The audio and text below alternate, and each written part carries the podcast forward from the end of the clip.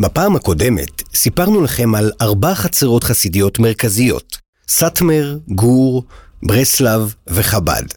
הפעם נדבר בעיקר על ליטאים.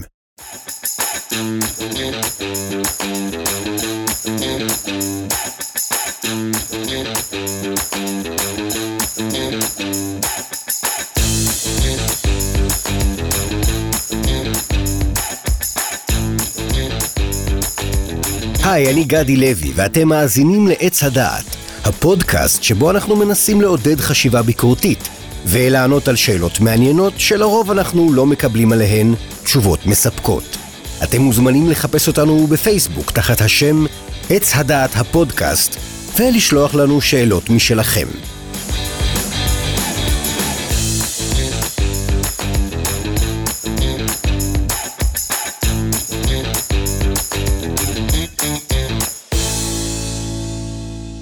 כבר סיפרנו לכם על העדה החרדית האנטי-ציונית הקיצונית, אבל יש בישראל קבוצה חרדית אנטי-ציונית קיצונית אפילו יותר מהעדה החרדית. הקבוצה הזאת נקראת נטורי קרתא, שזה בארמית שומרי העיר. היא נקראה בעבר חברת החיים, ופרשה מהעדה החרדית עוד לפני קום המדינה. נטורי קרתא מתגוררים גם בארץ, רובם בירושלים ובבית שמש, וגם בחו"ל, רובם בארצות הברית ובבריטניה. בישראל משתייכים לקבוצה הזאת בעיקר ליטאים פרושים, ולעומת זאת בחו"ל רובם דווקא חסידים. נטורי קרתא מאמינים שאסור להקים מדינה יהודית לפני בוא המשיח. הם רואים בהקמת מדינת ישראל חטא והתגרות באומות העולם. לא מדובר פה באמונה בלבד, אלא גם במעשים. נטורי קרתא שמתגוררים בחו"ל נפגשים עם מנהיגים פלסטינים ואיראניים שמתנגדים לקיומה של מדינת ישראל ומשתתפים בהפגנות נגד מדינת ישראל ובעד הקמת מדינה פלסטינית. היו גם נטורי קרתא בישראל שנפגשו עם מנהיגים פלסטינים.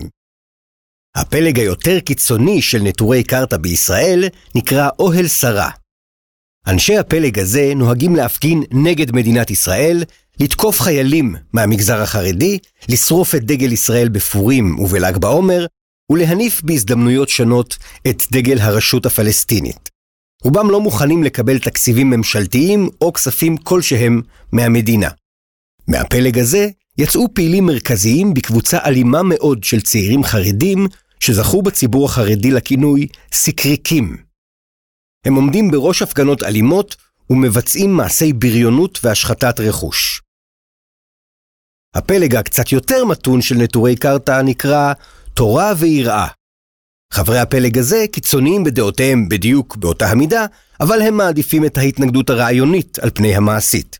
הם מצהירים על עצמם שהם מתנגדים לפגישות עם שונאי ישראל ואוסרים על בחורי ישיבה להשתתף בהפגנות.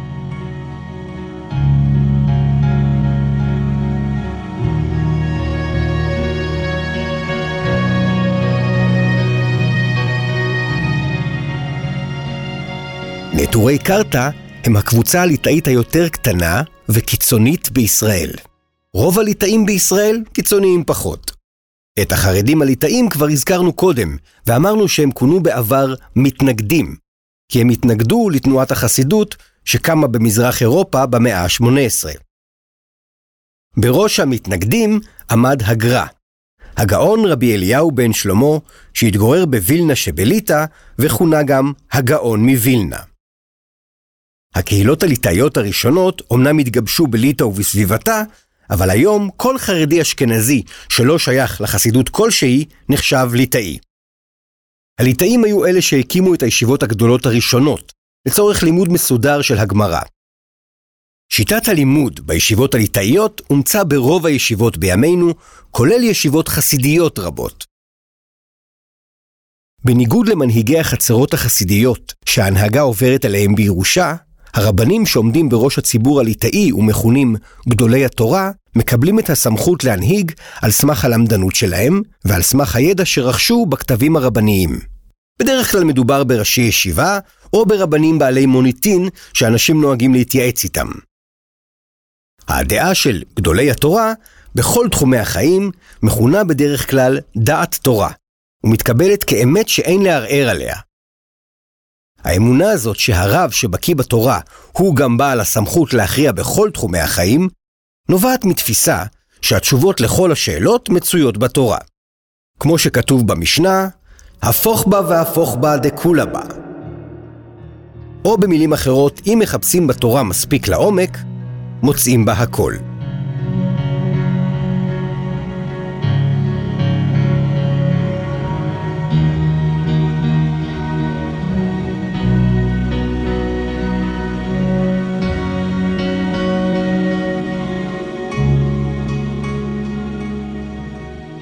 מראשוני המנהיגים הליטאים בישראל היה הרב אברהם ישעיהו קרליץ, החזון איש. הזכרנו אותו מתישהו בהקשר של משל העגלה המלאה. הוא היה מנהיג חרדי ליטאי, אבל זכה להערכה רבה גם מצד חסידים רבים. החזון איש קבע שלצורך שיקום החורבן הרוחני של עם ישראל, יש לבנות חברת לומדים.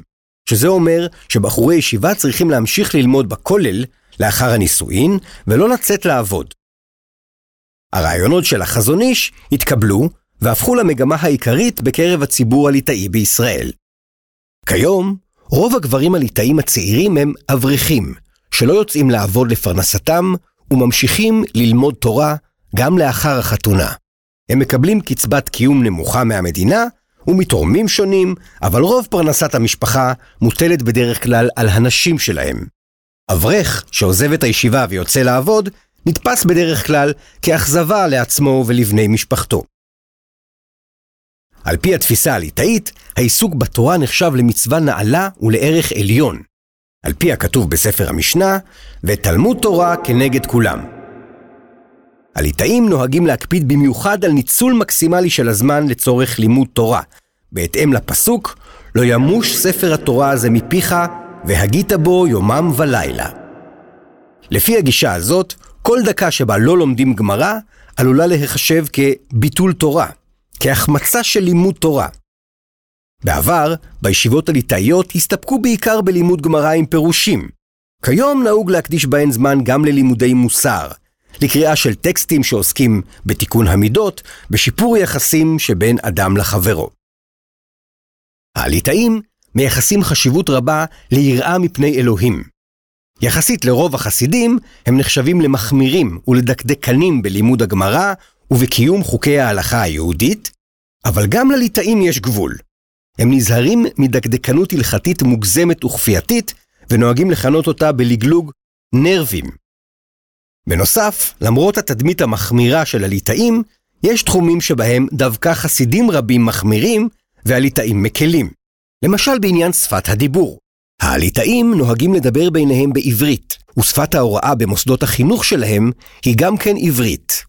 הסיבה לזה היא שהחזון איש קבע בזמנו שאומנם אסור לדבר בלשון הקודש, אבל מותר לדבר בעברית, כי לשון הקודש והשפה העברית הן אמנם שפות דומות, אבל נפרדות. גם המראה החיצוני של הליטאים נחשב למודרני יותר משל החסידים. הרבה מאוד גברים ליטאים מקצרים את פאות הלחיים, או מסתירים אותן, וגם לא מעריכים זקן, אלא מגלחים אותו בשיטות שונות שאושרו על ידי הרבנים. ברחוב, הגברים לובשים כיפה שחורה, מגבעת מעוצבת, וחליפה אופנתית כהה, לא תמיד שחורה, ולפעמים גם עניבה. בתוך מבנים הם נוהגים להוריד את השקט ואת הכובע. נשים ליטאיות נשואות רבות נוהגות להקפיד על מראה חיצוני מטופח ואסתטי, ללבוש בגדים אופנתיים ולחבוש פאה נוכרית ארוכה ומטופחת משיער טבעי.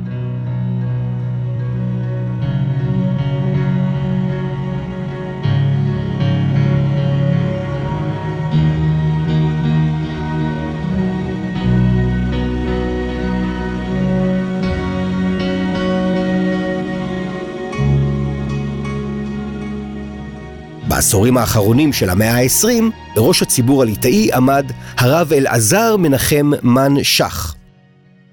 הוא נפטר בשנת 2001, וההנהגה עברה באופן רשמי אל הרבנים יוסף שלום אלישיב ואהרון לייב שטיינמן. בתקופה הזאת התחילו בציבור הליטאי מאבקי שליטה באחת מישיבות הדגל, פונוביץ'. הסכסוך הזה התעצם עד שחילק את הציבור הליטאי לשני מחנות. המחנה המרכזי והגדול יותר, הליברלי יחסית, זכה לכינוי הלא נחמד הסוינים. המחנה השני, הקטן יותר, השמרני, זכה לכינוי עוד יותר לא נחמד, המחבלים. אחרי פטירתו של הרב אלישיב בשנת 2012, נותר בראש ההנהגה של הציבור הליטאי הרב שטיינמן לבדו. הוא אמנם לא הביע דעה בעד אף אחד משני המחנות, אבל מחנה המחבלים החליט שהוא מתון מדי ולא קיבל את מרותו. מחנה המחבלים, ובראשם הרב שמואל אוירבך, התנתקו והפכו לפלג ליטאי נפרד שנקרא גם הפלג הירושלמי, כי מקום מושבו של הרב אוירבך בירושלים. הפלג הירושלמי התנער מהעיתון הליטאי יתד נאמן, והקים לעצמו את עיתון הפלס. הוא גם פרש ממפלגת דגל התורה, והקים לעצמו את מפלגת בני תורה. את הפלג הירושלמי מכנים גם אצניקים, בגלל האותיות עץ בפתק ההצבעה למועצות המקומיות. עוצמת הסכסוך בין שני המחנות עדיין גבוהה מאוד, ולא דעכה גם לאחר פטירתו של הרב שטיינמן, כשהנהגה של הציבור הליטאי עברה לרב גרשון אדלשטיין ולרב חיים קנייבסקי. סלע המחלוקת בין שני המחנות הוא בעיקר שאלת גיוס החרדים לצבא. הפלג הירושלמי לא מוכן לשתף פעולה עם החובה שמוטלת על בחורי ישיבה להתייצב בלשכת הגיוס לצורך הסדרת מעמדם כתלמידי ישיבה, למרות שלא מדובר בגיוס לצבא, אלא בקבלת דחייה של השירות הצבאי עד גיל 24, או עד כל גיל אחר, שהוא גיל הפטור של חרדים מהשירות הצבאי. בהשראת קבוצות קיצוניות כמו נטורי קרתא והעדה החרדית, גם בפלג הירושלמי נאסר על בחורי הישיבה להתייצב בלשכת הגיוס לצורך קבלת הדחייה מהשירות הצבאי, כי הם רואים גם בזה שיתוף פעולה עם חוקי הגיוס. הם מעדיפים שבחורי ישיבה ייחשבו כסרבני גיוס וישבו בכלא, מעשה שנחשב למסירות נפש למען קיום התורה. הפלג הירושלמי נוהג לארגן הפגנות המוניות סביב הנושא הזה. נושא נוסף שנמצא במחלוקת בין שני המחנות הוא היחס לגזירת החינוך, לסכנה שהממשלה החילונית תכפה על מוסדות החינוך החרדים לימודי אנגלית ומתמטיקה. למרות הסכסוך הקשה בין הסונים למחבלים, בתוך הציבור הליטאי יש אחידות רבה יותר מאשר בציבור החסידי, בעיקר במראה החיצוני ובאורח החיים, ועדיין, גם בתוך הציבור הזה יש הבדלים משמעותיים במידת השמרנות. בהרבה ישיבות ליטאיות בישראל נהוגה שיטת רוממות האדם, שכוללת שימת דגש על מראה חיצוני אסתטי ועל הקרנה של עונג ונועם על הסביבה. לפי הגישה הזו, מותר ליהנות מחיי העולם במסגרת חוקי התורה. ישנם גם ליטאים שמרנים יותר, שמשתדלים לחיות בצניעות לפי הכתוב בספר המשנה, כך היא דרכה של תורה, פת במלח תאכל, ומים במשורה תשתה, ועל הארץ תישן, וחיי צער תחיה, ובתורה אתה עמל. אם אתה עושה כן, אשריך וטוב לך. אשריך בעולם הזה, וטוב לך לעולם הבא. בתוך הציבור הליטאי קיימות גם שלוש תתי קבוצות קצת שונות, שפיתחו לעצמן מסורות ייחודיות משלהן. חוג חזון איש, חוג בריסק וקהילת אדרת אליהו. חוג חזון איש, או החזונישניקים, זאת קבוצה שרואה את עצמה כממשיכת דרכו של החזון איש. הקבוצה הזאת מחמירה עם עצמה בכמה תחומים, ובייחוד בשמירת הלכות השבת.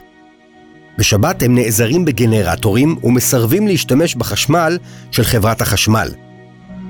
גם המראה החיצוני שלהם שונה משל שאר הליטאים. הם מקפידים לא לגלח את הזקן, ולובשים ז'קט ארוך ששונה מהז'קט הליטאי הקצר. חוג בריסק זאת קבוצה ליטאית ייחודית שנוסדה על ידי הרב יוסף דוב סולובייצ'יק בבריסק שבליטא. הרב מבריסק עלה לישראל והפך למנהיג של הציבור הליטאי אחרי מותו של הרב שך. בחוג בריסק נועדים להחמיר ולהקפיד בתחומים שונים. הם נוהגים שלא לצאת מגבולות ארץ ישראל, הם נמנעים מהצבעה בבחירות, ויש להם מערך שחיטה נפרד כי הם לא סומכים על אחרים ורוצים לוודא בעצמם שהבשר שהם אוכלים כשר על פי כל הכללים המחמירים. קהילת אדרת אליהו היא קהילה ליטאית קטנה שקרויה על שם הגר"א, הגאון רבי אליהו. היא נוסדה על ידי הרב יצחק שלמה זילברמן, ומרכזה בעיר העתיקה בירושלים. לקבוצה הזאת יש כמה מנהגים ייחודיים משלה, כמו הוספת פתיל תכלת לציציות ולבישת תפילין לא רק בזמן התפילה, אלא בזמן הלימוד בישיבה לאורך כל היום. אבל מה שהכי מייחד את הקהילה הזאת מהציבור הליטאי, זה שהיא קרובה בעמדותיה לעמדה הדתית-תורנית. חברי הקהילה הזאת מאמינים שההתיישבות היהודית בארץ ישראל בכלל, ובירושלים בפרט, היא אתחלתא דגאולה, תחילתו של תהליך הגאולה של עם ישראל. בדומה לדתיים תורניים, הם מציינים את יום ירושלים, אבל בדומה לשאר הליטאים, הם לא חוגגים את יום העצמאות. ובכן, נעצור כאן. היום הכרתם קצת יותר את הציבור הליטאי בישראל. בזאת מסתיים החלק החמישי של הפרק החמישה עשר של עץ הדעת. מקווים שנהנתם. אני גדי לוי. הפרק נכתב והופק על ידי יהודית זוהר, עורך הסאונד, אופיר לוקאי אליסף. האחראי על ההקלטה, אילן בריידמן מהקורד סטודיו. תודה גם לאודי שובל ולצחי צייקלין ולעוד חברים וחברות על ההערות לפרק. תודה שהאזנתם. נשמח אם תדרגו אותנו באפליקציות השונות. מחכים שתכתבו לנו שאלות ושתשתפו אותנו במחשבות שלכם על התכנים שלנו. מבטיחים להגיב לכולם. מוזמנים כמובן לפקפק בכל מה שאמרנו היום ולחקור בעצמכם. להתראות בינתיים. נשתמע בפרק הבא.